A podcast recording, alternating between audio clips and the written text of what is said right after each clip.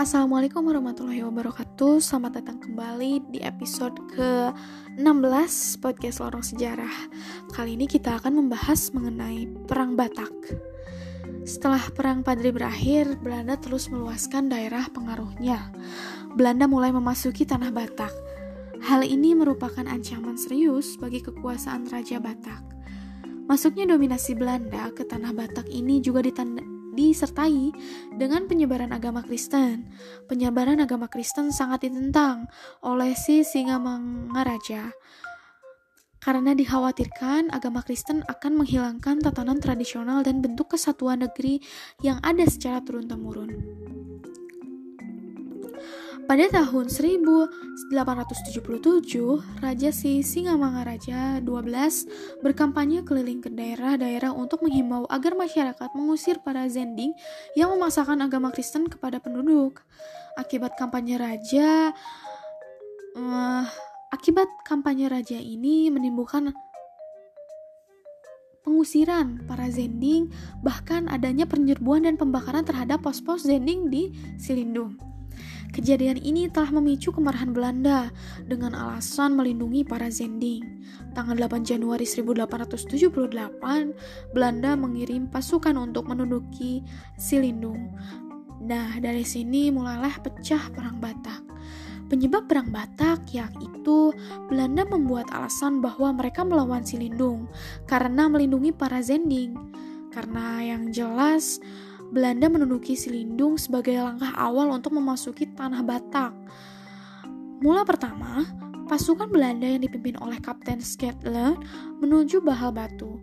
Rakyat Batak yang dipimpin langsung oleh si Singamangrang si Singamangaraja 12 ini melakukan perlawanan terhadap gerakan pasukan Belanda di Bahal Batu. Dalam perang ini, rakyat Batak Rakyat Batak sudah menyiapkan benteng pertahanan seperti benteng alam yang terletak di dataran tinggi Danau Toba dan Silindung.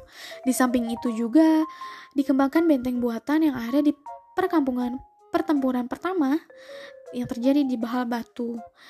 Si Singa Mangaraja 12 dengan pasukannya berusaha melakukan perlawanan sekuat tenaga.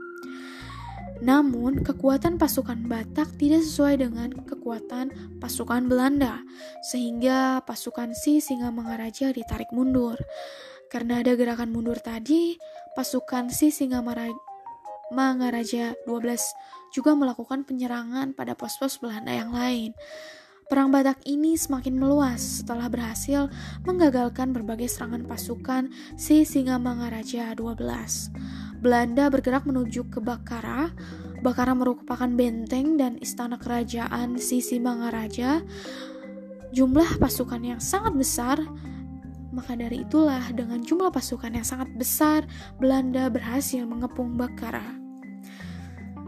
Beberapa komandan tempur ingin memasuki benteng Bakara, tetapi selalu dapat dihalau dengan lemparan batu oleh pejuang Batak. Akhirnya benteng dan istana Bakara dihujani tembakan-tembakan, sehingga Bakara dapat diduduki Belanda. Si Singamangaraja 12 bersama pasukannya berhasil meloloskan diri dan menyingkir ke daerah Paranginan. Belanda terus memburu si Simangaraja menyingkir ke Lintung. Belanda terus mengejar dan Singamangaraja 12 terus bergerak ke Tambunan. Belanda dapat menguasai daerah itu semua sehingga semua daerah di sekitar Danau Toba sudah dikuasai oleh Belanda.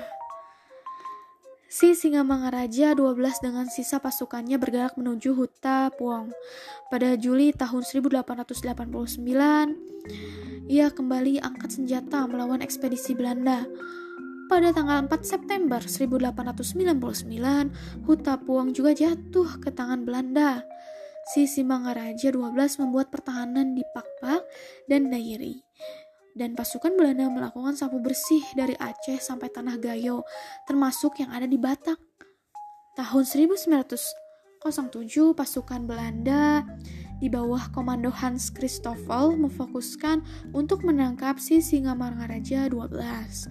Ia berhasil dikepung rapat di daerah Salatiga, eh, maksudnya di daerah segitiga, barus, sidiklang, dan singkal. Dalam pengubangan ini, Belanda melakukan cara yang licik, yakni dengan menangkap istrinya yang bernama Boru, Sanggala, dan dua orang putranya. Tetapi, dengan beban psikologis yang berat, si Singa Mangaraja 12 tetap bertahan. Tanggal 7 Juni 1907,